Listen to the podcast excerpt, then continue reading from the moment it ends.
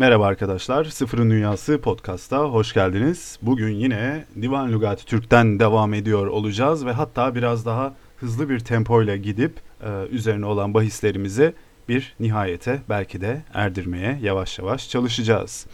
İlk kelimemiz tirgeş. Bu kelime benim hoşuma gidiyor. Çünkü modern hayatta çoğunlukla yaşadığımız bir şehir hayatında diyelim bir duruma gönderme yapıyor. Manası şu, kalabalık yüzünden yürümede zorluk çekme. Tabi bu kelime şey açısından da dikkat çekici. İşte Türklerin daha çok göçer bir hayata sahip olması gibi bir mefhum canlanıyor ya kafamızda. Öyle kurguluyoruz ya. Hani neden kalabalık yüzünden yürümede zorluk çekesiniz ki? Değil mi? Hani sokak, cadde, meydan gibi kavramlar olduğu zaman kalabalık kavramı gerçekleşiyor belki de değil mi? Ama işte Türkler yüzde yüz de sürekli daimi bir şekilde bir yerden bir yere göç ediyor da değiller değil mi? Yani hani sonuçta o insanlarda da bir şehir kavramı vardı. Ee, özellikle Fars şehirleriyle içli dışlıydılar. Çarşılara, pazarlara giriyorlardı ve tabii ki e, Türkler artık kendi kentlerine de sahip olmaya başlamıştı değil mi? Burada kendi kentlerinden kastım bildiğimiz e, devlet yapılanması içerisinde bir şehir yapılanmasının sahip olması gereken kurumlara, organizasyonlara malik bir şehirden bahsediyoruz. Yani valilik binası olur, hastane olur, medrese olur gibi. Tabii şunu da tekrar belirtmekte fayda var. Tek Türkiye unsur Oğuzlar değil, e, Karahanlıların daha yerleşik bir hayat içerisinde olduğu düşünülebilir. Selçuklulara nazaran yani Oğuzlara nazaran daha oturaklı, daha e, kalabalık yüzünden yürümede zorluk çekebilecekleri bir hayat tarzı içerisinde oldukları düşünülebilir belki. Ama bu kelimenin benim için hoş tarafı modern hayatta kullanma isteğimin olması. Yani bir yere eğer biraz geç kalıyorsanız e, o kalabalıklar içerisinde yürürken normalde daha hızlı gidebilecekken insanları geçemediğiniz için sıkışıp kalmışsanız ve arkadaşınıza e, mahcup olduysanız 10 dakika geciktiğiniz için ona şey diyebilirsiniz değil mi? E, çok kalabalıktı işte yürüyemedim onların arasından sıyrılamadım gibi kulağa daha bayağı gelen bir izah yerine ah, tirgeç durumundaydım gibi bir izah yapabilirsiniz belki veya ben olayları çok e, romantize mi ediyorum bilmiyorum. Sıradaki kelimemiz kargış. Bu e, modern Türkçe'de yaşayan bir kelime. E, ne kadar duydunuz bilmiyorum. E, belki ilenme şeklinde de duymuş olabilirsiniz Anadolu'da. E, daha çok beddua yerine kullanılır. E, kargımak şeklinde ben çokça defa duymuşumdur Anadolu'da. Tabi İstanbul Türkçesinde bunu duymanız zor. Divan Lügati Türk'ten okuyalım. Kargış, lanet ve lanetleme. Örnek cümle, Tenri kargışı anın üze denir. Bu Allah'ın laneti onun üzerine olsun demektir. Ee, benim daha çok insanların ağzında duyduğum varyasyon şu şekildeydi. İşte şöyle bir örnek geldi aklıma. Sen onun işini görme bak nasıl kargıyor sana, nasıl ileniyor sana gibi örneklerini duyduğum vaki. Sıradaki kelimemiz taplag. Bir şeye razı olma manasına geliyor ve razı, rıza mefhumunun Orta Asya'da kullanılan halini bize gösteriyor. Örnek cümlesine bakacak olursak Kaşgarlı Mahmud'un bu işte senin taplagın var mı denir. Bu işte senin rızan var mı demektir şeklinde bir kelimeymiş. Bundan sonra e, arkadaşlarınıza muhtelif konularda onların da tablaklarını sorabilirsiniz değil mi? Sıradaki kelimemiz buzluk ve manası buz saklanan yer Divan Lügati Türk'te haliyle. Fakat tabi ilginç olan şey böyle bir kelimenin, böyle bir mefhumun var olması. Denebilir mi ki irtifası daha yüksek yerlerden buz ve kar toplayıp artık görece ısı yalıtımı sağlanmış bir malzeme bir kap ile e, buzu ve karı kendi yaşadıkları alanlara indiriyorlardı çeşitli sebeplerle. Bu e, ateşli bir hastanın belki tedavisi için olabilir e, veya bir insanın keyfi için olabilir veya e, ticari değeri olan bir mal da olabilir değil mi?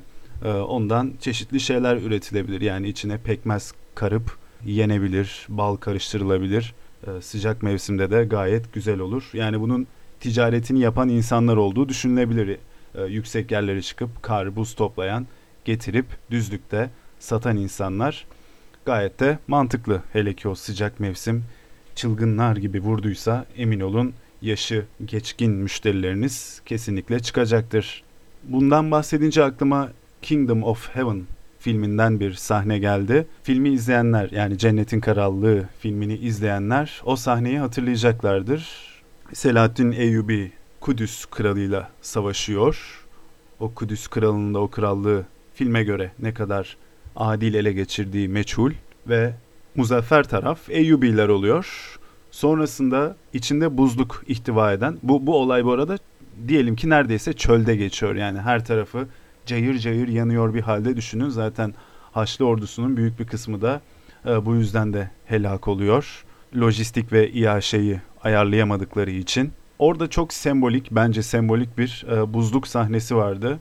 E, belki aklınıza geldi. Filmi izlemediyseniz de naçizane izlemenizi tavsiye ediyorum. Gerçekten benim e, çok hoşuma giden arada açıp sahnelerine baktığım bir filmdir. Ve bende hep şey hissi uyandırır. Tarihi filmlerin keşke bu raddede dahi olsa objektif olması ne kadar keyifli oluyor. Ki ben inanıyorum ki Türk yapımlarının da en büyük sorunu maalesef bu. Yani bu kurgusal objektifliğe sahip olmamaları hep bir beyaz ve siyah bakış açısıyla, hep bir mutlak iyi ve mutlak kötü bakış açısıyla e, yapımlarımızı üretmemiz bence bize daha zarar veriyor. E, hiçbir tarihi filmimizde asla haçlı veya Hristiyan bir iyi olmaması bence çok felaket bir şey. E, neden felaket bir şey? Realist değil. Öyle bir dünya yok. Siyah ve beyaz diye bir anlayış olamaz insanın ve tarihin olduğu bir yerde çoğunlukla diyelim. Ve en kötüsü de o insanların izlemesine mani oluyorsunuz. O insanları duygusallaştırıyorsunuz. Yani Türk yapımlarının bu sebeple Avrupa'da diyelim ki Slav ülkeleri hariç e, izlenmesini bekleyemezsiniz. Özellikle Balkan Slavları Osmanlı'yı vesaire merak ederek sonuçta onları da ilgilendiren bir olaydı uzun vadede Osmanlı İmparatorluğu merak edip izledikleri oluyor. Biraz da kendilerini belki o Haçlı, o Katolik e, birliği dışında gördükleri için sonuçta Ortodokslular kendileri üstlerine çok almıyorlar o şeytani haçlı figürünü e, denebilir. Dediğim gibi ben hani burada bir tarafı da savunma maksadıyla söylemiyorum yani hayır haçlıları melek göstereceğiz falan gibi bir imayla asla söylemiyorum. Tarihi olduğu gibi göstermek ve ne bir tarafı şeytan yapalım ne de diğer tarafı kusursuz, mükemmel, asla noksanı olmayan şekilde yansıtalım diyorum. Olabildiğince daha objektif olursa daha evrensel işler çıkmış olabilir diye bunu söylüyorum. Acaba hangi Türk yapımlarından bahsettim? Eminim ki aklınıza çoktan bir şeyler gelmiştir. Öyleyse sıradaki kelimemize geçelim. Tutkak ve bu kelimenin manası düşmanın gözcülerini ve öncülerini yakalamak için geceleyin dolaşan birlik. Burada neyi anlıyoruz? Düşmanın gözcü ve öncülerini geceleyin saflara yolladığını, Buna karşı geliştirilmiş bir tutkak diye bir sistem var ve geceleri nöbet tutuyorlar. E, çok mantıklı. Öyleyse sıradaki kelimemize geçelim. Torlak. Bu kelime Anadolu'da yaşıyor. Hiç duydunuz mu bilmiyorum. Her hayvanın cılızı.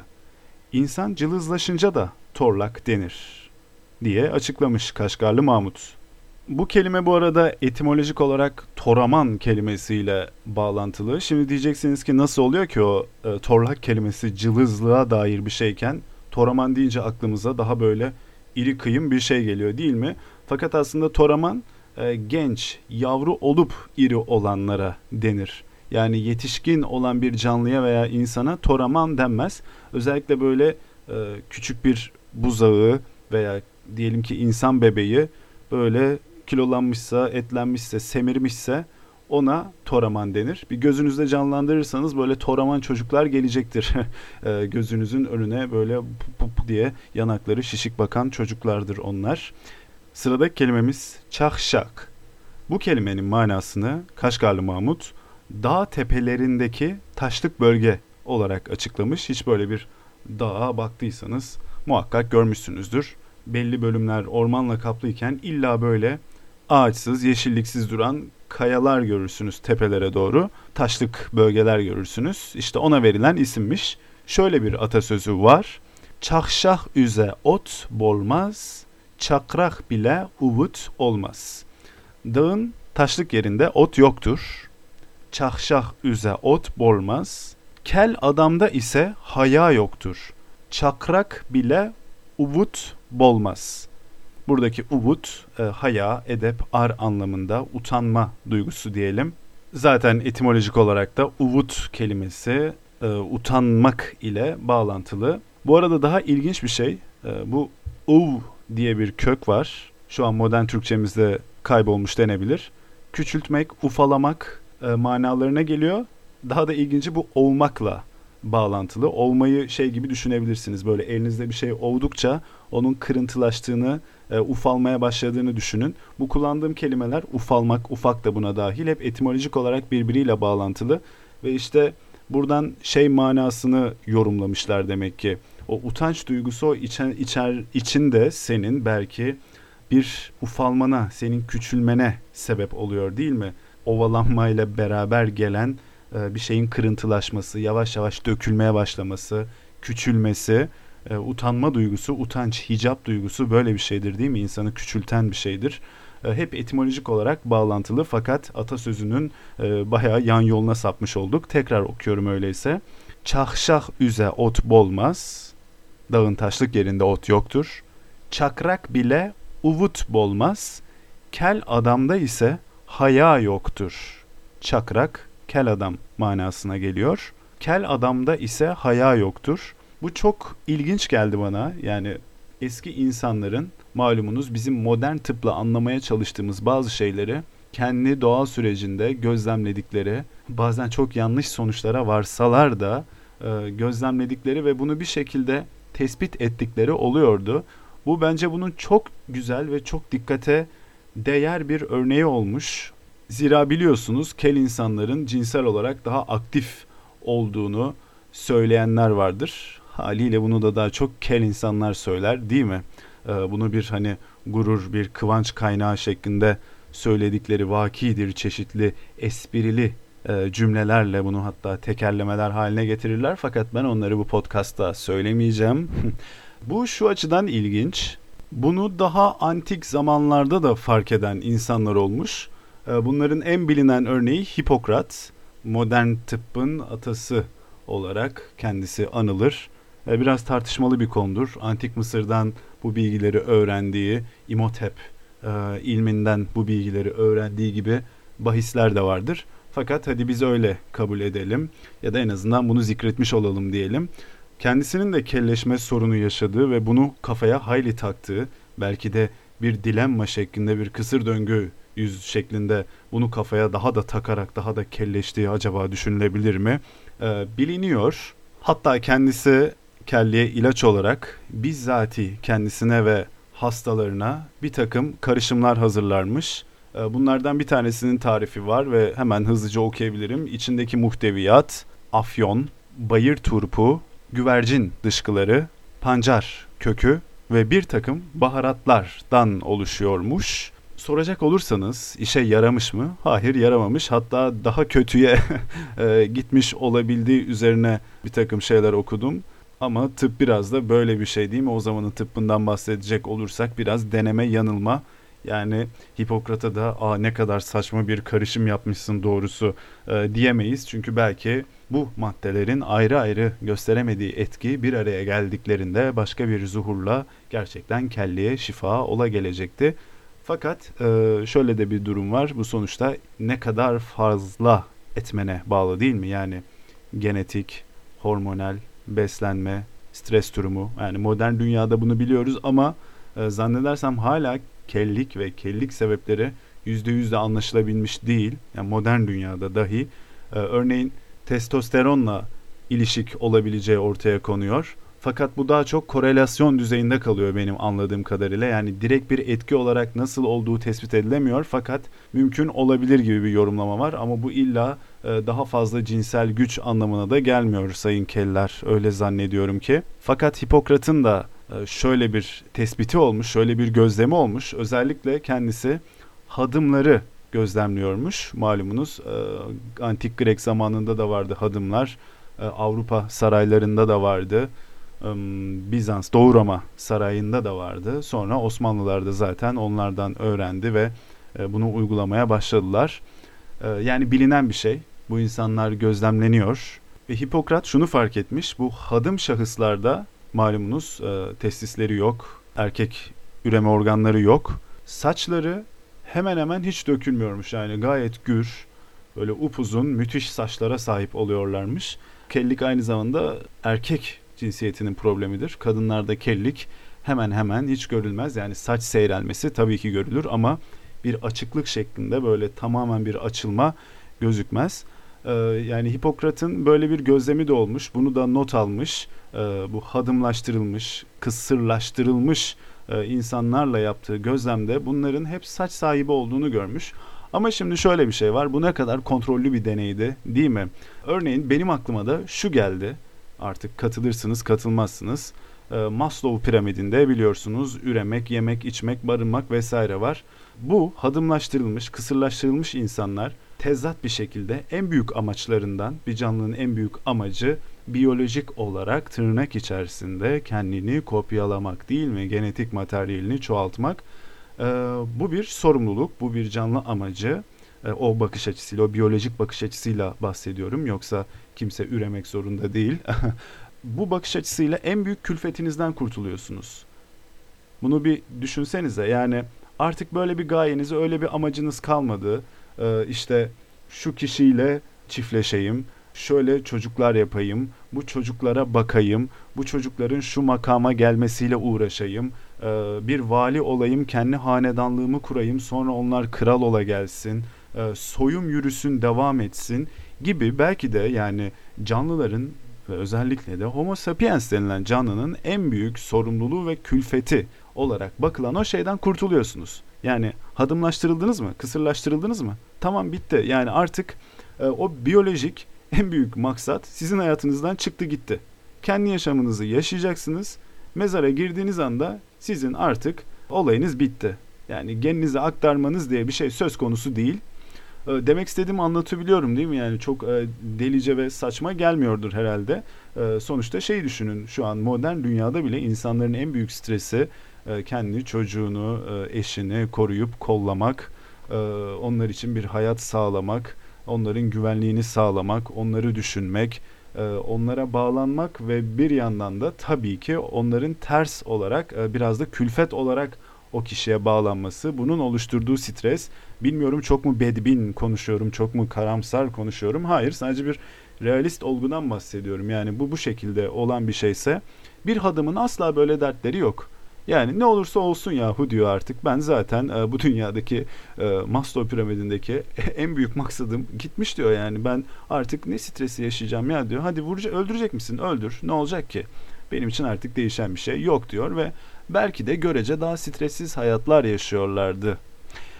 Bir yandan da şu var. E, hadım olan kişi, hadımlaştırılmış kişi kim tarafından hadımlaştırılmıştır? Tabii ki bir e, zengin, muhtemelen de soylu, ona bakacak olan bir efendisi vardır değil mi? O metbuusuna artık tabi olmuştur ve e, onunla ilgilenen, ona bakan odur. Karşılığında tabii e, hadım da ona hizmet edecektir. Bu insanlar yani hadımlar çoğunlukla çok da uzun yaşıyor. Yani bir kelleşmeme durumu var ve aynı zamanda çok da uzun yaşıyorlar. E, bu yine belki şeyle mi ilişiklenebilir mi? E, burada artık biraz Freudyen unsurlar devrede belki ama e, kendisi üremediği için bari ben uzun yaşayayım da e, şu hayatı biraz daha görelim mi diyor. Yani bir korelasyon olarak yani muhakkak e, testisler söküldükten sonra e, bunun vücudun hormonal dengesine muhakkak bir etkisi oluyordur. Yani bu testosteron dengesinin tahrip edilmesi muhakkak ki e, uzun vadede bir şekilde saçları da etkiliyordur. Sonuçta insan vücudunun tam olarak her yapısının başka bir yapısını nasıl etkilediği kesin bir haritayla ortaya konmuş değil, değil mi? E, son olarak bu konu açılmışken şeyi de söyleyelim mi? E, hiç düşündünüz mü eskiden bu hadım etme işlemi, idiş etme işlemi e, nasıl yapılıyordu? E, gerçekten çok korkunç bir şey. Zaten yetişkinliğe girdikten sonra diyelim ki ergenliği geçirdikten sonra bir insan hadım edilmesi çok büyük ihtimalle ölmesiyle sonuçlanıyor. Çok az kişi e, bu işten sağ kurtulabiliyor. Eğer ergenliği geçirdiyse iyice zor oluyor. Madem yeri geldi bahsedelim. E, yumurtalıklar sökülüyor, testisler sökülüyor. E, sonra cinsel organ kesiliyor ve tuvalete çıkabilmeleri için de e, idrar yollarına çoğunlukla kurşun bir boru bağlanıyor. Bir kere zaten kurşun tek başına vücut için zehirleyici bir madde. Yani o insanlar kim bilir neler neler çektiler. Düşünebiliyor musunuz o acıyı, o uzun vadeli artık o vücut nasıl toparlanacak, nasıl adapte olacak? E, gerçekten çok zor değil mi ya? Bir de onun psikolojik bir travması var. Fakat tarihte kendi isteğiyle e, tabii o isteğin ne kadar yüzde yüz irade olduğu da tartışılır ama kendi isteğiyle hadım olmayı seçmiş insanlar olduğu da biliniyor. Gazanfer Ağa onların örneklerinden biridir. Niçin? Sultanın e, veya artık o soylu kişinin yanında, yakınında olabilmek, ona hizmet edebilmek ve tabii ki bunun getirdiği avantajlardan e, bu bir mutluluk olabilir. Bunu biraz kinayeli bir şekilde söylüyorum. Veya tabii ki maddi ve hiyerarşik güç olabilir. Böyle bir kuvvet, böyle bir güç getiriyor. Yani o zamanki toplumda şey diye bakılmıyor Of, erkeklik organı bile olmayan bir adamdan emir almam ben. Ee, öyle bir alıyorsunuz ki o emiri o adamdan. Çünkü toplumun kültürü ona göre düzenlenmiş. Ee, bunlar ilginç e, sosyokültürel durumlar. Çok güzel. Peki tamam hadi devam edelim. Sogdak şöyle anlatıyor Kaşgarlı Mahmut. Balasaguna konan bir kavim. Bunlar Buhara ve Semerkant arasındaki Soğut'dandırlar. Ancak Türkler gibi giyinip onların huylarını almışlardır. Ee, burada önemli bir konu var. Bir İrani kavim olan Soğutlardan bahsediyor e, Kaşgarlı Mahmut ve bunların yavaş yavaş e, Türkleştiğinden, Türk huylarını, adet edindiklerinden bahsediyor. Önemli bir husus. O yüzden bahsetmek istedim. E, geldik Karluk kelimesine. Şöyle açıklıyor. Türklerden bir boy. Oğuzların dışında kalan göçebelerdir bunlar da Türkmendir şeklinde izah etmiş. Sıradaki kelimemiz kısrak. Kaşgarlı Mahmud'un verdiği atasözü kız birle küreşme, kısrak birle yarışma. Anlamı ise şuymuş. Bakire kızla güreşme çünkü o güçlü olur. Kız birle küreşme. Yarışlarda da genç kısrakla yarışma çünkü o yetişkin attan daha güçlü ve atak olabilir, seni geçer. Kısrak birle yarışma. Sultan Mesud'u gerdek gecesinde eşinin tekmelemesi ve yere yıkması üzerine Karahanlıların kullandığı bir atasözüdür şeklinde belirtmiş bunu Kaşgarlı Mahmut. Sultan Mesud diye bahsettiği çok çok çok büyük ihtimalle e, birinci Mesud değil mi? Yani Gaznelilerin e, Gazne devletinin Türk hükümdarı olan birinci Mesud Hindistan, Afganistan tarafında bir e, siyasi teşkilatlanmaydı malumunuz. Halkı Türk değildi ama yöneticileri ve ordusunun bir kısmı Türktü. Fakat yine e, yerli unsurlar da vardı ordusunda. Bunu da belirtmek lazım. Daha bir imparatorluk yapısıydı yani biliyorsunuz imparatorluklarda e, çoklu bir e, millet yapısı olur. Orduda da, sarayda da, bürokraside de değil mi? bu, böyle bir süredir e, sürekli Freud Freud var ağzımda ama e, bir libido ile alakalı bir duruma gönderme var değil mi? Yani yine eski insanların e, bir takım şeyleri görüp tespit etmesi. Yani burada illa böyle cinsel bir patlamadan falan bahsetmiyorum. Malumunuz libido bir enerji şekli ve insanın o e, cinsel dürtüleriyle bağdaşık fakat bunun illa cinsellik olarak ortaya çıkması gerekmiyor. Yani libido kelimesinin belki de Türkçe'de böyle bir e, yanlış kullanımı var insanlar arasında. Yani libido deyince illa e, gülümsemek e, ve cinsel şehvet anlaşılması gerekmiyor. Yani mesela libidosu çok fazla olan biri illa bunu cinsel ilişkiyle deşarj etmek zorunda değil. Çıkıp kürek çekebilir, koşu yapabilir, kendini başka bir ilgi alakaya e, spora verebilir. Fakat e, benim tek demek istediğim şey şu. Bu bu e, Kaşgarlı Mahmud'un aldığı bu notu okumamın da sebebi bu. Yani burada belki de biraz da zorlarsak e, Freudian bir şey çıkarabiliyoruz değil mi? Yani kız birle küreşme, kısrak birle yarışma e, atasözünden. E, atasözleri işte bu şekilde e, kültürel gözlemleri aktarıyor. Bu anlamda da önemliler. Peki sıradaki kelimemiz kulbak ve daha doğrusu bir özel isim şöyle açıklıyor Kaşgarlı Mahmut. Balasagun dağlarını mesken tutmuş bir Türk zahidinin adı sert ve siyah taş üzerine eliyle yazı yazdığı söylenir. Allah'ın kulu kulbak anlamında Tenri kulu kulbak yazdığı zaman yazı beyaz olarak görünürmüş. Beyaz taşa yazdığı zaman da yazı siyah olarak görünürmüş. Onun eseri bugüne dek durmaktadır. Şimdi burada bir e, Türk dervişi, bir Türk zahidi olarak e, belirtmiş bunu. Biraz da İslamlaştırmış ama bu tam bir şaman karakteristiği aslına bakarsanız. Yani bu kulbak dediğimiz Balasagun dağlarını mesken tutmuş kişinin şaman, pagan köklerden gelen bir Türk olduğu ve halk arasında namının yayıldığı, e, büyük ihtimalle şey bile tahmin edilebilir. E, kendisi dağda inziva halinde yaşıyordu ve insanlar kendisine, ona, kulbaka e, dua etmeye daha doğrusu kendisi için dua ettirmeye, büyü bozdurmaya, işte büyü attırmaya vesaire geliyorlardı diye benim kafamda canlandı. Çünkü e, böyle e, Asya'da, Orta Asya'da böyle e, bir kurum olduğu biliniyor değil mi? Dağlara mesken tutuyorsunuz, hayvanların, kurtların, ayıların içerisinde yaşıyorsunuz. Yahu bu nasıl hayatta kalıyor? Demek ki gerçekten ulvi bir şahıs, yüce bir şahıs diye bir imaj oluşuyor sizde.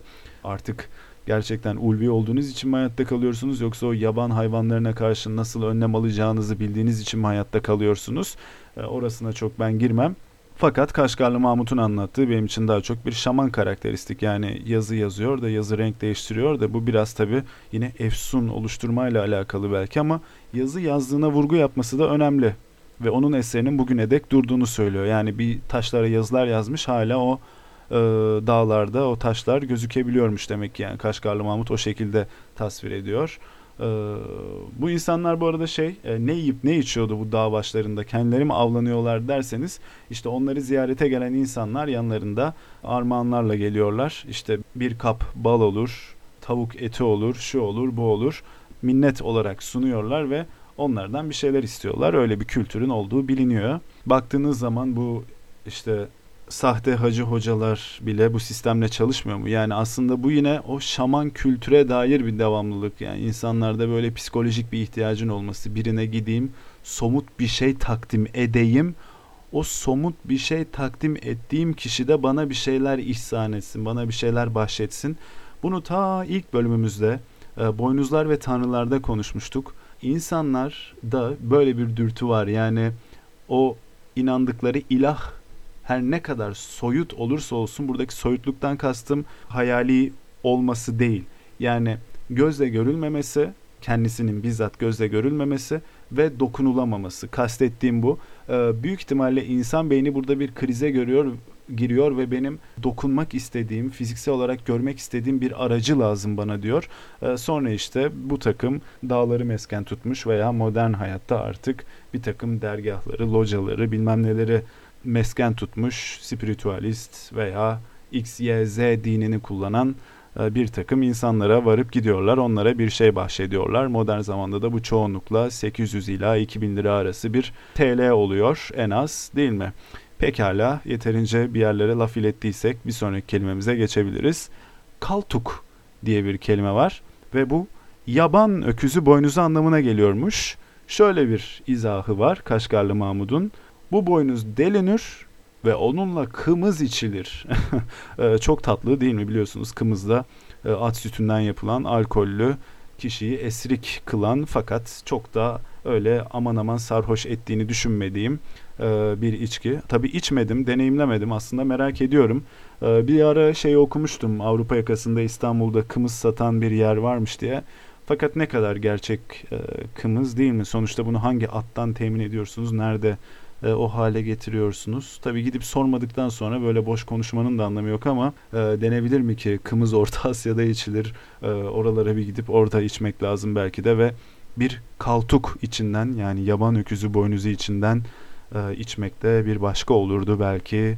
Kaşgarlı Mahmut öyle söylemiş.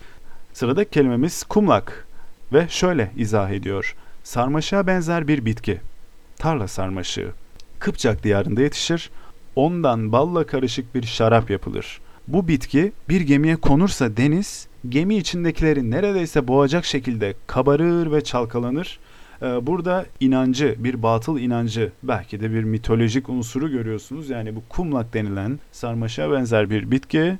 Balla karıştırıp ondan güzel şarap yapabiliyorsunuz. Ama diyor ki bunu gemiye koymayın.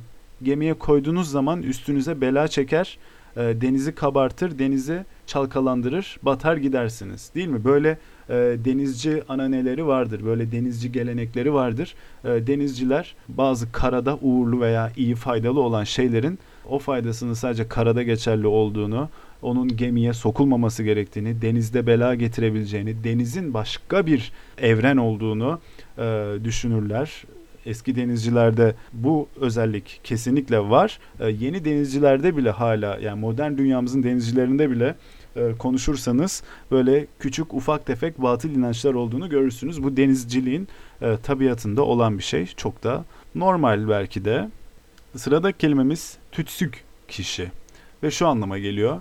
Kindar, düşmanlığı şiddetli olan. E, bu kelime özellikle şundan dikkatimi çekti. Büyük ihtimalle tütmek fiiliyle bağlantılı. Yani bu adam için için tüten bir adam. Ee, içi böyle yanıyor ufak ufak böyle dumanlar çıkıyor ee, ama yanmıyor. Yani biz onun yandığını görmüyoruz. O sinsi sinsi orada tütüyor ve e, kindar düşmanlığı şiddetli bir şekilde içinde tutuyor onu. Buna da tütsük kişi deniyor. Peki çok güzel. Geldiğimiz kelime terlik. Ee, ne kadar barizmiş aslında. Manası şu teri emmek için eğerin altına konan örtü. Demek ki yine at kültürüyle alakalı olarak çıkmış bu kelime. Eğerlerin altına atın terini emsin diye konan şeyin adıymış terlik. Fakat malumunuz diller yaşayan, nefes alıp veren ve dönüşüp değişen canlılardır. Evet diller canlılardır ve e, bu ter tutma e, ve belki de materyal olarak, materyal olarak keçeden yapılıyor olması uzun vadede ayak için kullandığımız terliklerde de büyük ihtimalle keçeden veya çok benzer materyalden yapılıyordu ve e, ayağın terini emme vasfı da vardı. O yüzden bir şekilde buna da terlik dendi.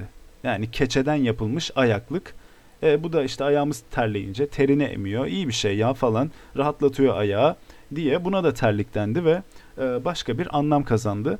Bunlar tabii yüzyıllar içerisinde olan süreçler değil mi? Yani diller bu şekilde dönüşüyor, değişiyor. Çok güzel. Sıradaki kelimemiz yine özel bir kelime. Selçuk ve bu kelimenin manası bugünkü sultanların atasının adı. Tabi buradaki sultandan kastı haliyle Oğuzların, Selçukilerin e, sultanlarının atası olan e, Selçuk. E, Selçuk diye geçiyor burada. Orijinal adı odur. Selçuk Sübaşı şeklinde adlandırılırdı diyor. Biliyorsunuz Sü ordu askerle alakalı bir kelimedir. Yani Selçuk komutan gibi de anlaşılabilir e, bu kullanım. Pekala. Sıradaki kelime kekmek ve şöyle bir örnek kekmek er. Diyor ki işlerin pişirdiği ve çekilen sıkıntıların katılaştırdığı adam. Ne kadar ilginç bir kelime değil mi? Kekmek er e, işler yüzünden, yaşadığı işler, çektiği sıkıntılar yüzünden pişmiş, olgunlaşmış ama bir o kadar da katılaşmış bir adam bu. E, bana yine e, güçlü bir kelime olarak geldi. E, böyle bazı kelimelere kendimce güçlü diye e, nitelikler atfediyorum. Sıradaki kelimemiz togril. Et ve baharatla doldurulan bağırsak manasına geliyormuş Kençek lehçesinde. Yani bildiğimiz sucuk. Biliyorsunuz modern Türkçemizde kullandığımız sucuk kelimesi bize Farsçadan geçmiştir. Onlar sicah derler. Biz sucuk olarak e, söylüyoruz.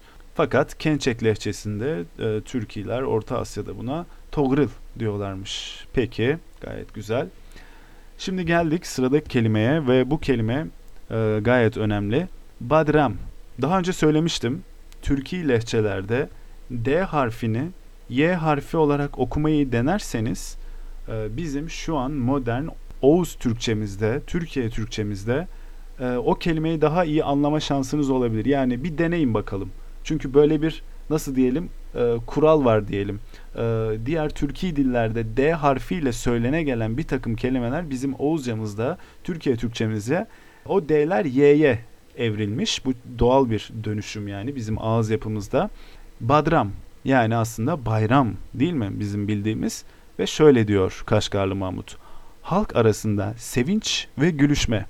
Bir yer çiçek ve tomurcuklarla süslenmişse oraya badram yer denir. Yani gezinti yeridir. Bunun aslının ne olduğunu bilmiyorum. Bu kelimenin yani bakın bunu da ne kadar güzel belirtiyor. Hani şey alimlik bazen de bilmediğini söylemektir ya. Diyor ki çünkü bunu ben Farsların ağzından duydum. Ancak Oğuzlar bayram diye adlandırıyorlar. O da sevinç ve gezme günüdür. Onların adeti üzerine bakın az önce anlattığımı Kaşgarlı Mahmut söylüyor. Zel harfi y'ye dönüşmüştür. Bu zel harfi dedi aynı zamanda D olarak da anlaşılabiliyor. Bunu da daha önce söylemiştim. Ee, bu Arap alfabesinin yapısıyla ilgili bir durum ve zel harfi yeri geldiğinde D olarak da okunabiliyor. En nihayetinde şunu anlayalım.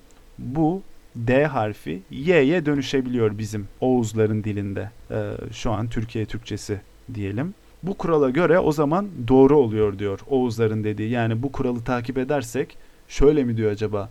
Türklere Farslardan geçti. Oğuzlar da bunu o D harfini Y yaparak söyleye geldi. Çok doğru.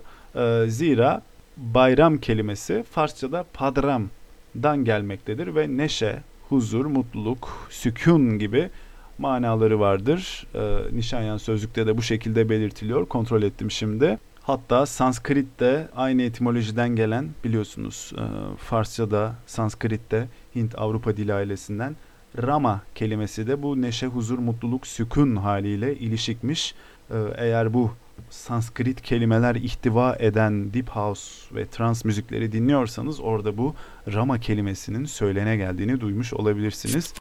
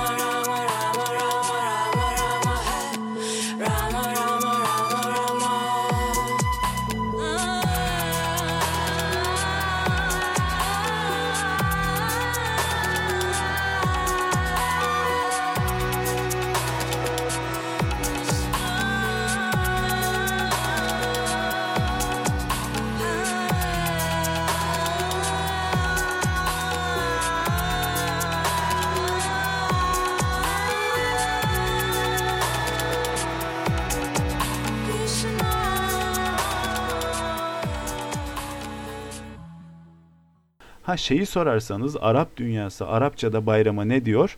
Son yıllarda artık e, bu iyice bilinir hale geldi. Özellikle Kurban Bayramı, şey, e, Ramazan Bayramı geldiğinde Arabi, e, Malezyalılar, Endonezya, Endonezyalıların paylaşımını görüyorsunuz. Eid mübarek diyorlar ve e, Arapların Arapçanın o kültürü benimsemiş olanların söylediği budur. Eid. Pekala. Devam edelim. Kestem kelimesiyle karşı karşıyayız. Ne demekmiş? Kişinin geceleyin davetsiz gelenlere verdiği içkili ziyafet. Ee, umarım hayatınızda bol bol zevk aldığınız kestemler olur. Ee, bu içkili ziyafetler illa e, mutlak bir şekilde alkollü olmak zorunda değil. Öyle olursa da ala fakat dostlarla içilen e, çayınız, kahveniz, çorbanız bol olsun diyelim. Peki kesteminiz bol olsun diyelim. Güzel devam ediyoruz. Sumlum diye bir kelime var. Şimdi sumlum tat diye bir örnek vermiş. Bu tat kelimesi daha önce karşımıza çıkmıştı. Bu özellikle gayrimüslim unsurlar için e, Uygur ve bazen de Farslar için kullanıldığını görüyorsunuz Divan Lügati Türk'te bunun ve çok da iyi bir manası yok yani biraz e, pejoratif bir kelime biraz hakaretamiz bir kelime e, yani nasıl diyelim e, gavur falan gibi bir kelime aslında gavur öyle tatlı bir kelime değildir değil mi? e, biraz hakaretamizdir. E, belki ecnebi biraz daha e, şeydir, nötr bir kelimedir. Öyle değil yani. Sumlum tat şu anlama geliyor. Türk dilini hiç bilmeyen Fars, Türkçeyi bilmeyen herkese sumlum adı verilir. Yani burada aslında biraz şeye benziyor değil mi? Türk dünyası dışında kalanlar Türkçe bilmeyenler olarak imlenmiş. Yani Türkçe konuşuyorsanız Sumlum değilsiniz. Türk olmasanız dahi, etnisiteniz Türk olmasa dahi e, Türkçe konuştuğunuz an Sumlum değilsiniz. Bu neye benziyor? E, barbar kelimesine benziyor. Biliyorsunuz antik dönemde Grekçe konuşamayan herkes barbardı. Yani bu bir medeniyetsizlikle alakalı bir durum değildi aslında.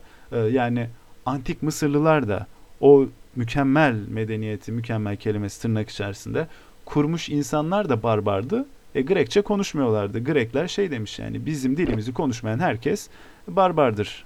Biz böyle düşünüyoruz demiş. Peki güzel. Sıradaki kelimemiz tünerik yer. Ne anlama geliyor? Karanlık olan her yer. Ee, bu tünemek kelimesiyle bağdaşık biliyorsunuz kuşlar e, tüner gecelerini geçirirler vesaire. Bu kelime de dünle bağlantılı ve aynı zamanda dün kelimesinin daha doğrusu tün kelimesinin biz e, gece anlamında kullanıldığını Türkçenin eski dönemlerinde biliyoruz. Bunun en basit örneği Orhun yazıtlarını açın bakın orada tün kelimesi gece manasında kullanılmıştır. E, mantık olarak da bu kelimenin bu şekilde dönüşmüş olması çok mantıklı değil mi? Yani Almanca'da da mesela şöyle bir şey var. Sabah kelimesi morgen demek. İngilizce'deki malum morning kelimesiyle aynı etimolojiye dayanıyor. Zira ikisi de kuzen diller, ikisi de Cermen dili. Aynı zamanda morgen Almanca'da yarın demek. E, morgen dediğinizde e, sabah da diyor olabilirsiniz, yarın da diyor olabilirsiniz. Ama otomatik olarak yarın zaten e, sabahı ihtiva eder ve sabah zaten yarındır. Ve bizim Türkçedeki tüm kelimesi de e, gece anlamındadır ama gece de zaten dün yaşanmıştır. Biraz böyle e, çılgınvari konuşmuş olmadım umarım ama gayet anlaşılır olduğunu düşünüyorum. Bu arada bir e, emin olmak maksadıyla Nişanyan sözlüğe baktım. Orada da şeyi gördüm. Tüne. Moğolca'da karanlık da demekmiş. E, bunu da belirtmiş olduk. İyi oldu. Devam edelim. Tünerik diye bir kelime var ve diyor ki mezara da tünerik denir. Yani sonuçta o da karanlık olan bir yer değil mi? Er tünerike kirdi.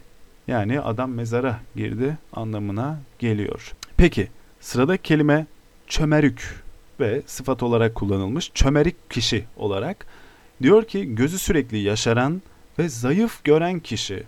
Ee, yani bu bir hastalık bir e, belirtiye verilmiş isim değil mi? O bir çömerik, o bir çömerük kişi. E, bu büyük ihtimalle o çömerüklere zaman makinemiz olsa da söylesek e, direkt A vitamini eksikliği, e, gözün sürekli yaşarması ve e, zayıf görmesi. Yani bilhassa gözünde fiziksel, biyolojik bir bozukluk varsa tamam eyvallah. Fakat bunların eminim de bir kısmı A vitamini eksikliğiydi. Bunun farkına varamadan belki de tüm hayatlarını o şekilde yaşadılar. Yani e, yok ben havuç yemem, havucu hiç sevmiyorum, e, getirin bana oradan doğrusu bir e, tavuk eti deyip durdu ve gözü gittikçe bozuldu. Ah yeseydi biraz havuç. E, bu arada havucun da ana vatanı Afganistan yani Türklere yakın. E, ama bizim modern bildiğimiz o turuncu havuç e, öyle anlatılır ki Hollandalılar tarafından e, son halini almıştır. Biliyorsunuz onlar e, ziraat seven bir millettir. O küçücük topraklarında bir sürü tarım ve hayvancılık yaparlar. E, biz Türkiye'de bu devasa ve bereketli topraklarda yani verim olarak, potansiyel olarak gerçekten onların yanlarına bile yaklaşamıyoruz. Niye? Teknik bilgi, teknoloji ve bu işin organizasyonel bir kültür haline getirerek devlet tarafından korunup gözetilmesi etiketlendirilmesi, sertifikalandırılması ve marka haline getirilmesi gibi değil mi? Yani şu an bir Hollanda peyniri dediğinizde o güzel diyorsunuz. Türk peyniri dediğinizde hmm, güzel diyorsunuz. Peki peki tamam. Sıradaki kelime yine bir özel isim. Beçenek. Ee, onlardan daha önce bahsetmiştik. Diyor ki Kaşgarlı Mahmut Rum'a yakın oturan Türk boyu. Ee, bunlar Trakya'nın üstünde, bu o zaman tabii ki Trakya e, Doğu Roma İmparatorluğu'nda e, Karadeniz'in kuzeyinden inen e, Beçenekler, Türk boydurlar, halis Türktürler fakat uzun vadede Hristiyanlığı tercih etmişlerdir. Bazıları Gagavuzların şu an modern dünyamızda Moldova'da yaşayan Gagavuz Türklerinin bu Beçeneklerle bağlantılı olabileceğini de söyler. Hristiyanlardır ama e, mükemmel bir Türkçe konuşurlar ve Oğuz Türkçesine çok benzer. Bu çok ilginçtir. Yani şu an açın YouTube'dan bakın e, Gagavuz Türklerinin e, bir videosunu bulun, izleyin. O kadar anlaşılabilirdir ki bizim kulağımıza. Garip olan budur. Bu hala çözülememiş bir sırdır. E, dillerin ba- e, böyle gizemli unsurları vardır. E, bazıları şeyi iddia eder. Bunlar Rum Türküydü. E, hatta Selçuklu döneminde bir şekilde e, talihin, kaderin onları oraya attığı, o yüzden dilleri Oğuzca'ya bu kadar benziyor. Yani Türkiye Türkçesine bu kadar benziyor şeklinde e, savunan tarihçiler de var. Ama net değil. Yani e, tam olarak kökenleri anlaşılamamış bir Türk boyular. Geldiğimiz kelime sakırku ve manası kene olarak açıklanmış. O kan emici canlıdan bahsediyoruz yani. E, Farsça kökenlidir bu kelime. E, bunun Divan Lügati Türk'te geçen hali Sakırku. E, bunu ben Anadolu Türkçesinde yani şu an modern olarak e, özellikle kırsal alan, alanda sakırga, sakırtlak şekillerinde duyduğumu biliyorum. Yöreden yöreye değişiyor. Bir yerde sakırga olarak duyduğumu biliyorum. Başka bir yerde sakırtlak olarak duyduğumu biliyorum. Hatta ilk başta e, anlamamıştım. E, bir şey yapışmıştı vücuduma fakat e, kene değilmiş. E, ne mutlu ki bana. E, orada köylülere sormuştum. Acaba sakırtlak mı? Yok sakırtlak olacak kadar büyük değil demişlerdi. Ben de sakırtlak ne e, diye böyle içimden kendi kendime sorup durmuştum. Çok sonra farkına vardım. Bizim bildiğimiz keneden bahsediyorlarmış ama e, kene kelimesini kullanmıyorlardı mesela değil mi? E, bu ilgi çekici bir şey. Halbuki televizyonlar e, bangır bangır kene diyorlar. Tabii kene kelimesi muhtemelen daha yaygın. E, ben belki de Anadolu'nun böyle gizemli yerlerinde mi dolaşıyorum? Yok çok da öyle değil aslına bakarsanız. Peki. Ha bu kelime büyük ihtimalle bu sakırgu, e, sakırtlak e, diyebilir misiniz ki sakız e, yapışmak etimolojisiyle bağlantılı? Düşünülebilir, mümkün olabilir mi? Olabilir. Malumunuz bu sakız kelimesi de e, Divan Lügat Türk'te geçiyor ve yapışkan e, unsurlar için kullandığını, kullanıldığını anlıyoruz. Peki sıradaki kelimemiz samurtuk. Samurtuk iş diye bir sıfat kullanımı var. İzahı şu, içinden nasıl çıkılacağı bilinmeyen karışık iş. Ee, umarım hayatınızda bu samurtuk işler mümkün mertebe az olur. Ee, olursa da tekrar diyelim ki hayatınızda hayırlara vesile olur. Ee, bazen insan içinden nasıl çıkacağını bilmediği karışık işlerin içerisinde buluyor kendini. Tamam diyor artık herhalde yolun sonu çok güzel. Bu hayatta yapımda emeği geçen herkese teşekkür ediyoruz. Sonra bir takım e, işler gerçekleşiyor ve o karışık işi def edebiliyorsunuz. Bu da ilginç. Aklıma şey geldi böyle bir yavaş konuşmaya başladım çünkü bir şey düşünmeye başlamıştım. Ee, bir gün gerçekten kafam e, bayağı karışık bir haldeydi. Ee, bir şeyi kafaya takmıştım yani somut ve direkt bir problem olarak orada beni yoran bir şey vardı. Bir akrabam denize gideceğini söyledi. Dedi ki İstanbul'daydım bu arada öyle şey bir şehirde de değildik. Ee, Karadeniz tarafında İstanbul'da arabasıyla denize gideceğini söyledi. Alayım mı seni de beraber gidelim dedi. Ee, ben ırım kırım ettim ama çok da görüştüğüm bir akrabam değildi. Peki dedim hadi madem öyle e, eşlik etmiş olalım. Senle de bir gün geçirmiş olarım yani e, iki senede bir gördüğüm vesaire bir insan olduğu için öyle bir içinden gelmiş. Peki dedim gittik. Şey deniz falan mükemmel değildi. Yani İstanbul'un kuzeyi Karadeniz dalgalı biraz da köpüklü biraz e, şey bir denizdir o biliyorsunuz. Çok yüzmesi öyle bir Ege Akdeniz keyfi yaratmayan ama onun da kendine göre bir zevki vardı şimdi şey yapmayalım çok da. Her neyse ben yüzdüm, açıldım, açıldım, açıldım. Sonra durdum, düşündüm e, ve sorunumun içinden nasıl çıkacağımı buldum. E, sonra kıyıya yüzdüm ve çok garip gelmişti. E, bunu şey için anlattım. İnsan belki de sürekli aynı yerde bir sorunu nasıl çözeceğini düşününce bir şeyler tıkanıyor şey yapabilirsiniz. Bir de gideyim de şurada çözmeyi deneyeyim, orada çözemeyeyim. Ee, ya da işte umarım çözersiniz. İlginç bir şeydi yani onu unutmuyorum. Denizde açıldım. Ha tamam ben bu olayı böyle çözerim dedim. Sonra da öyle çözdüm gitti. Ee, ilginçti. Ee, belki de şeyi görmek istiyor, görmem gerekiyordu. Böyle açıklarda denizdeyken e, tek başıma kalmışlığım söz konusuyken e, o deniz beni sarmalamışken kıyıya bakar haldeyken yüzüme rüzgarın vurması gerekiyordu. Hmm, peki Öyleyse gelelim. Şimdi aslında şöyle bir durum var. Bir dil bilgisi yapısına giriyor yine Kaşgarlı Mahmut ve daha önce karşımıza çıkmış kelimelerin e, tekrar çıktığını görüyoruz. Fakat burada maksat Türkçe'ye gelen son eklerle nasıl bir mana değişikliği yaratıldığından dem vurmak. E, şöyle bir örnek var. Bagırlı er. Ne demek bu? E, bağır sahibi kişi. Bundan e, bir önceki bölümde bahsetmiştik. E, Türkler bu bağır sahibi olmayı boyun eğmemekle özleştirilmiş. Yani bedük bağırlı olmak, büyük bağırlı olmak, e, boyun eğmeyen bir yapıda olmak manasına geliyor. Fakat burada Kaşgarlı Mahmud'un dem vurmaya çalıştığı şey bu lık eki geldiği zaman yani bağırlık eki geldiği zaman bağıra sahip olan manasını anlamamız gerektiği. Örneğin bir sonraki kelimeye geçecek olursak çagırlık er. Bu çagır, çakır, çakır keyif kelimesinden bahsetmiştik. Ne demekti? E, meyve suyu veya şarap anlamına geliyor değil mi? E, çakırlık er ne manaya geliyor? Sıkılmış meyve suyu veya şaraba sahip olan kişi demek değil mi? İşte mesela sığırlık er diyor. Ne demek? Sığıra sahip olan kişi.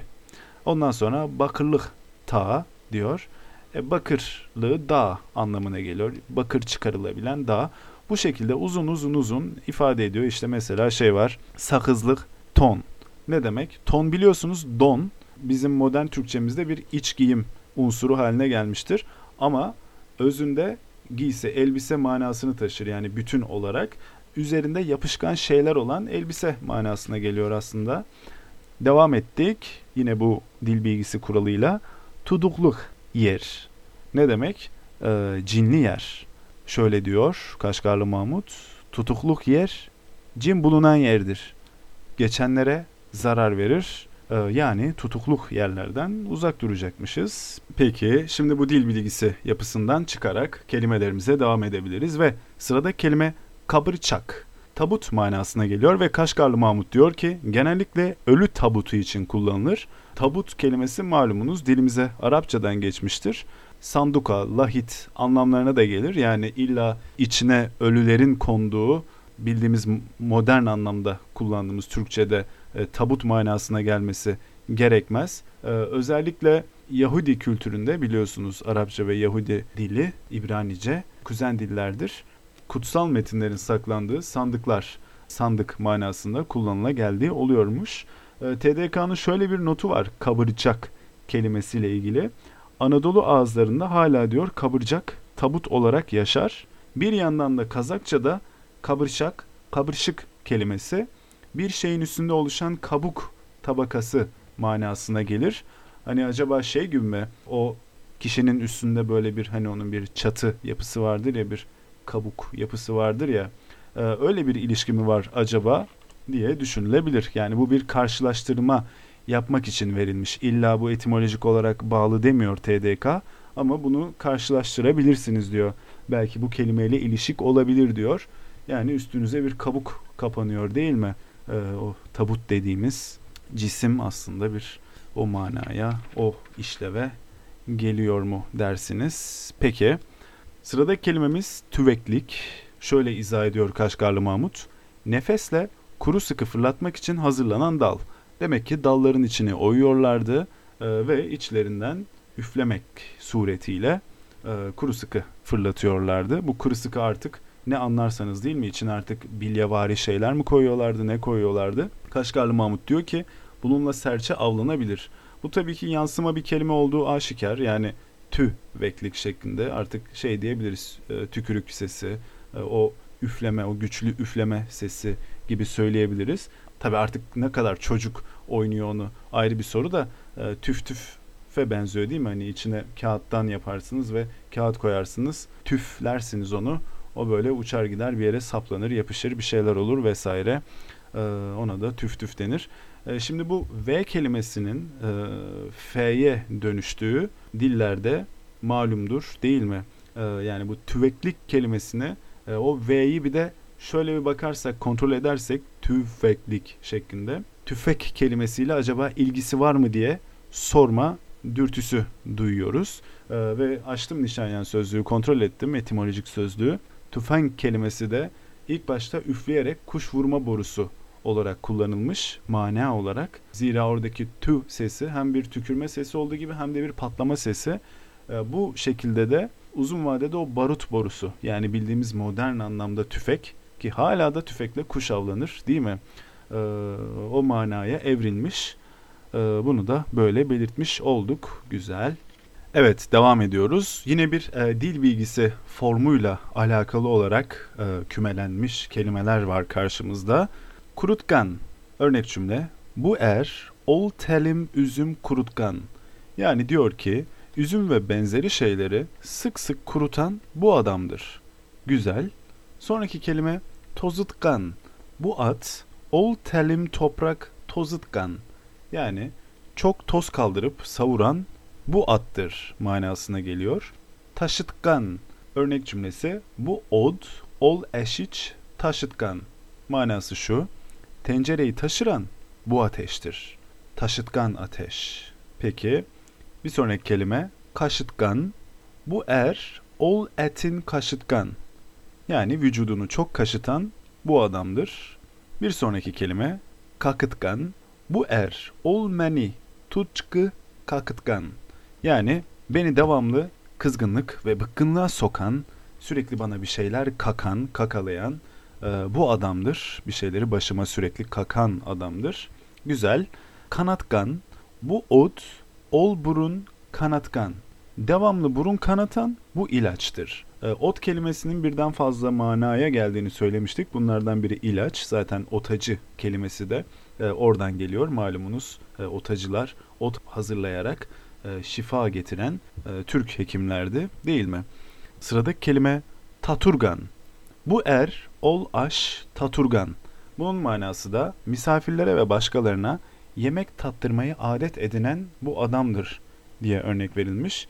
Hım ben de severim bunu. Yani illa böyle acayip sofralar kurmak bağlamında değil. Öyle adetlerim yok. Ee, eğer evde bir şey varsa e, bir şeyleri tattırmayı e, seve geldiğim olabiliyor. Tabi sevdiğim insanlara. Demek ki evime gelen her insanı sevmiyor muyum bilmiyoruz. Sıradaki kelime suburgan manası maşatlık imiş. Kafir mezarlığı manasına geliyor. Atasözü şu. Suburganda ev bolmaz, topurganda av bolmaz. Anlamı şuymuş. Eski mezarlıklarda canlılar için ev olmaz. Bu eski mezarlıklardan kastı gayrimüslim zamanlardaki veya hala gayrimüslim olanların da mezarlığı olabilir değil mi? Bu mezarlıklar buralara canlılar için ev kurulmaması gerekir diyor. Topurgan'da av olmaz diyor. Topurgan'da yumuşak toprak manasına geliyor. Böyle yerlerde de av olmaz manasına geliyor bu atasözü. Güzel. Sıradaki kelime katurgan. Ee, şöyle bir örnek cümlesi var. Bu er, ol üküş, katurgan. Yani çok gülen, çok sevinçli olan ve çok övüne gelen bu adamdır diye açıklamış Kaşgarlı Mahmut. Büyük ihtimalle modern Türkçemizde katılma, gülmekten katılma dediğimiz kelimeyle bağlantılı. Ondan sonra todurgan kelimesi geliyor ve şöyle bir örnek cümlesi var. Bu er, ol açık, todurgan. Açları devamlı doyuran bu adamdır. Burada yine şey dikkatinizi çekiyorum. D harfinin bizim Oğuzca'da Y harfine dönüşüp todurganın toyurgan şeklinde gelmesi. Sıradaki kelime kaçurgan. Ee, şöyle bir örnek cümlesi var. Bu er ol konukne kaçurgan. Manası şu. Misafiri ve başkalarını devamlı kovup kaçıran bu adamdır. Biraz merdüm girizlik var. Biraz misafirliklerden, misafirlerden bıkmış olma var. E, yeter artık gelmeyin. Ben evimde oturup individüel bir hayat sürmek istiyorum diyen bir e, kişiymiş bu kaçurgan kişi ya da şöyle diyor e, gelin tamam ayranınızı içtiniz kımızınızı içtiniz gidin kardeşim yeter tüm gün sizim ağırlayacağım e, bu kişilere kaçurgan deniyormuş peki gayet güzel sıradaki kelimemiz bakışkan ol kişi birle bakışkan ol bunun insanlara göz uçlarıyla devamlı bakma adeti vardır demek böyle sürekli insanları kesen hmm, hmm, şeklinde bakan insanlara bu şekilde bir sıfat uygun görülmüş. Sıradaki kelime kutulgan. Bu er ol yağıdın kutulgan. Manası şu. Düşmandan ve benzerlerinden devamlı kurtulan bu adamdır. Ee, bu iyi bir kelime mi yoksa olumsuz bir anlamı mı var tartışılır. Belki duruma göre değişiyordu. Zira sürekli düşmanın elinden kurtulmak e, şüpheli bir şey değil mi? Yani çift taraflı çalışan bir ajan mısın? Ya da e, biraz korkak mısın? Zaten arka saflarda duruyorsun falan. Savaş kaybedilmeye başlayınca hemen şey ben biraz e, ocakta pudingim vardı da e, obaya dönmem gerekiyor diyerek e, geri dönüyorsun falan mı? E, yoksa gerçekten çok mahir, çok maharetli olduğu için hani düşmandan son ana kadar savaşıp e, bir şekilde yolunu bulup sıyrılıp e, geri dönebilen insan mıydı? Bu bu açıklanmamış yani olumlu mu olumsuz bir manaya mı geldiği belli değil. Peki sıradaki kelimemiz keçürgen. Örnek cümlesi bu bey ol yazuk keçürgen. Yazuk suç ve günah manalarında kullanılır Divan Lügat-ı Türk'te. E, manası da bu örnek cümlenin şu. Suçları devamlı affeden bu beydir. Yani keçürgen bir bey. Peki tamam suç işledin ama seni affediyorum. Bir daha olmasın diyor. Bir daha olursa acaba beyimiz ne yapıyor? Öfkesini nasıl e, gösteriyor tebaasına? Şimdi bu dil bilgisi yapısından çıktık. Yani bu son ek olarak gan ekinin alınmasıyla oluşan dil bilgisi yapısından çıktık. Farklı kelimelere geldik. Kalmak diye bir fiil görüyoruz. Ee, şimdi bunun örnek cümlesine bakmamız lazım. Ol oyunda kaldı. Manası şu. O yarışta kaldı fakat bu kaldı terk etti anlamında. Şimdi burada bir gariplik var değil mi? Hani bizim için modern Türkçemizde, Türkiye Türkçemizde ol oyunda kaldı dersek e, oyunu terk etmedi. Oyunda kaldı zaten anlamına geliyor. Fakat e, o zamanki bu kalmak kullanımında şöyle bir şey var. Bir şey bir yerde kaldı ve bir şey bir yerde bırakıldı manasında. Hani a evde mi kaldı? Ne manaya geliyor? A evde mi bıraktım manasında değil mi? Yani bırakma ile böyle bir mantıksal bağ var ve bu Divan Lügat Türk'teki kalma kelimesini bırakmak olarak okuyabilirsiniz modern Türkçemize çevirirken. işte diyorum ya diller böyle değişebiliyor. Kelimeler varyantlar oluşturabiliyor. Ol oyunu bıraktı manasına geliyor aslında bu terk etti manasına. Mesela bir sonraki atasözü de şu. İl kaldı törü kalmaz. Mesela bunu bilmeden okuduğunuzda şöyle anlıyorsunuz bunu. E, yurt, yer, yaşanan il kaldı hala elimizde ama töre, töremiz gitti. Tam tersine şunu diyor. İl bırakıldı. Yani il orada kaldı. Göçtük oradan. İl kaldı orada. Artık onunla bir bağımız kalmadı. Törü kalmaz. Töre bırakılmadı. Töreyi yanımıza aldık. İl kaldı, yurt kaldı. Fakat e, bizi biz yapan o yurt değildi. E, bizim taşıdığımız kültürdü diyor. Ülke terk edildi. Fakat töre terk edilmedi işin töreye uygun şekilde yapılması için söylenir diyor. Yani böyle ağızlarda bir atasözü gibi bir laf. Şey çok ilginç. E, vakti zamanında bir Kırgız'la konuşmuştum. Kırgızistan hakkında. Ve e, şey mevzu bahis olmuştu işte Kırgızistan, Kırgızistan'daki sorunlar, e, Kırgızistan'ın geleceği.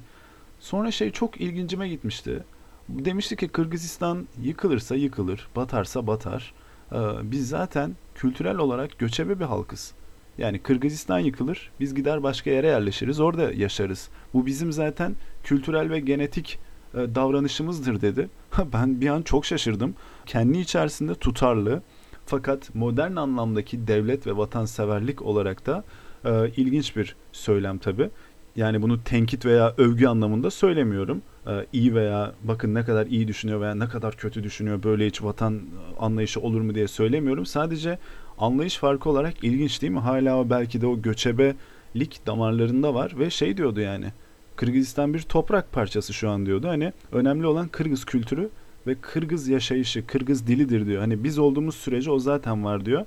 Gerisi sadece bir topraktır diyor. Hani olursa Mars'a da giderim e, şeklinde bir yaklaşım vardı kendisi. İlginç, iyi. Bundan da bahsetmiş olduk. Şimdi sıradaki kelime yine argo olacak. E, baştan uyarmış olayım. E, fakat bunları okuma sebebim yine bir önceki bölümle aslında bağlantılı olması. Er kızık kıldı diye bir örnek cümlesi var. Kelime zira kılmak fiili. Bu çok önemli. Bahsetmiştik namaz kılmak, namaz etmek, yükünç etmek, yükünç kılmak şeklinde. Er kızı kıldı demek adam ve kız cinsel ilişkiye girdi demek. Bakın er kızık kıldı. Adam kız ile cinsel ilişkiye girdi. İzah şöyle. Buradaki kılmak cinsel ilişkiyi anlatan kinayeli bir sözdür. Bu sebeple Oğuzlar bu kelimeden uzak dururlar. Yani kılmak aslında yapmak gibi bir anlamı var. e, hatta direkt Türkçe modern Türkçedeki argosunu söylersek e, becermek şeklinde söyleyebiliriz. Baktığınız zaman bir beceri, e, bir işi becermek kötü bir anlamda, argo bir anlamda değildir değil mi? Ama onu öyle bir büküyorsunuz ki argo anlamına dönüşüyor.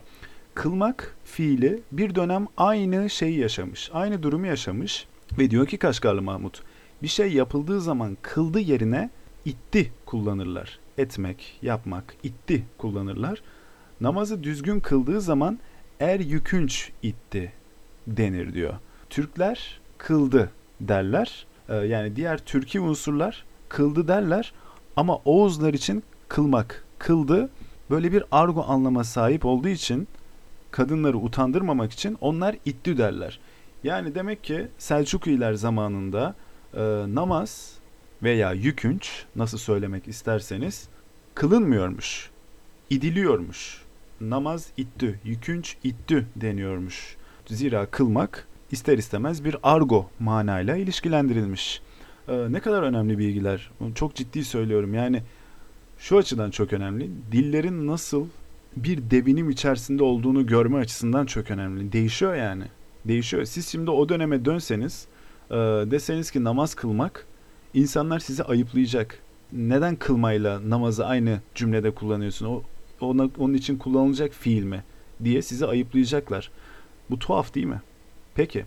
Sıradaki kelimemiz külmek. Malumunuz modern Türkiye Türkçemizdeki gülmek. Örnek cümle er küldi, adam güldü manasına geliyor. Fakat daha güzeli bir şiir örneği var. Şöyle. Külse kişi atma anar, örter kül'e, bakkıl anar, ed gülükün ağzın küle. Yani diyor ki bir insanı sana gülüyor görürsen onun yüzüne sıcak kül atmayı ver. Külse kişi atma anar örter kül'e, sen de ona gülümseyerek bak.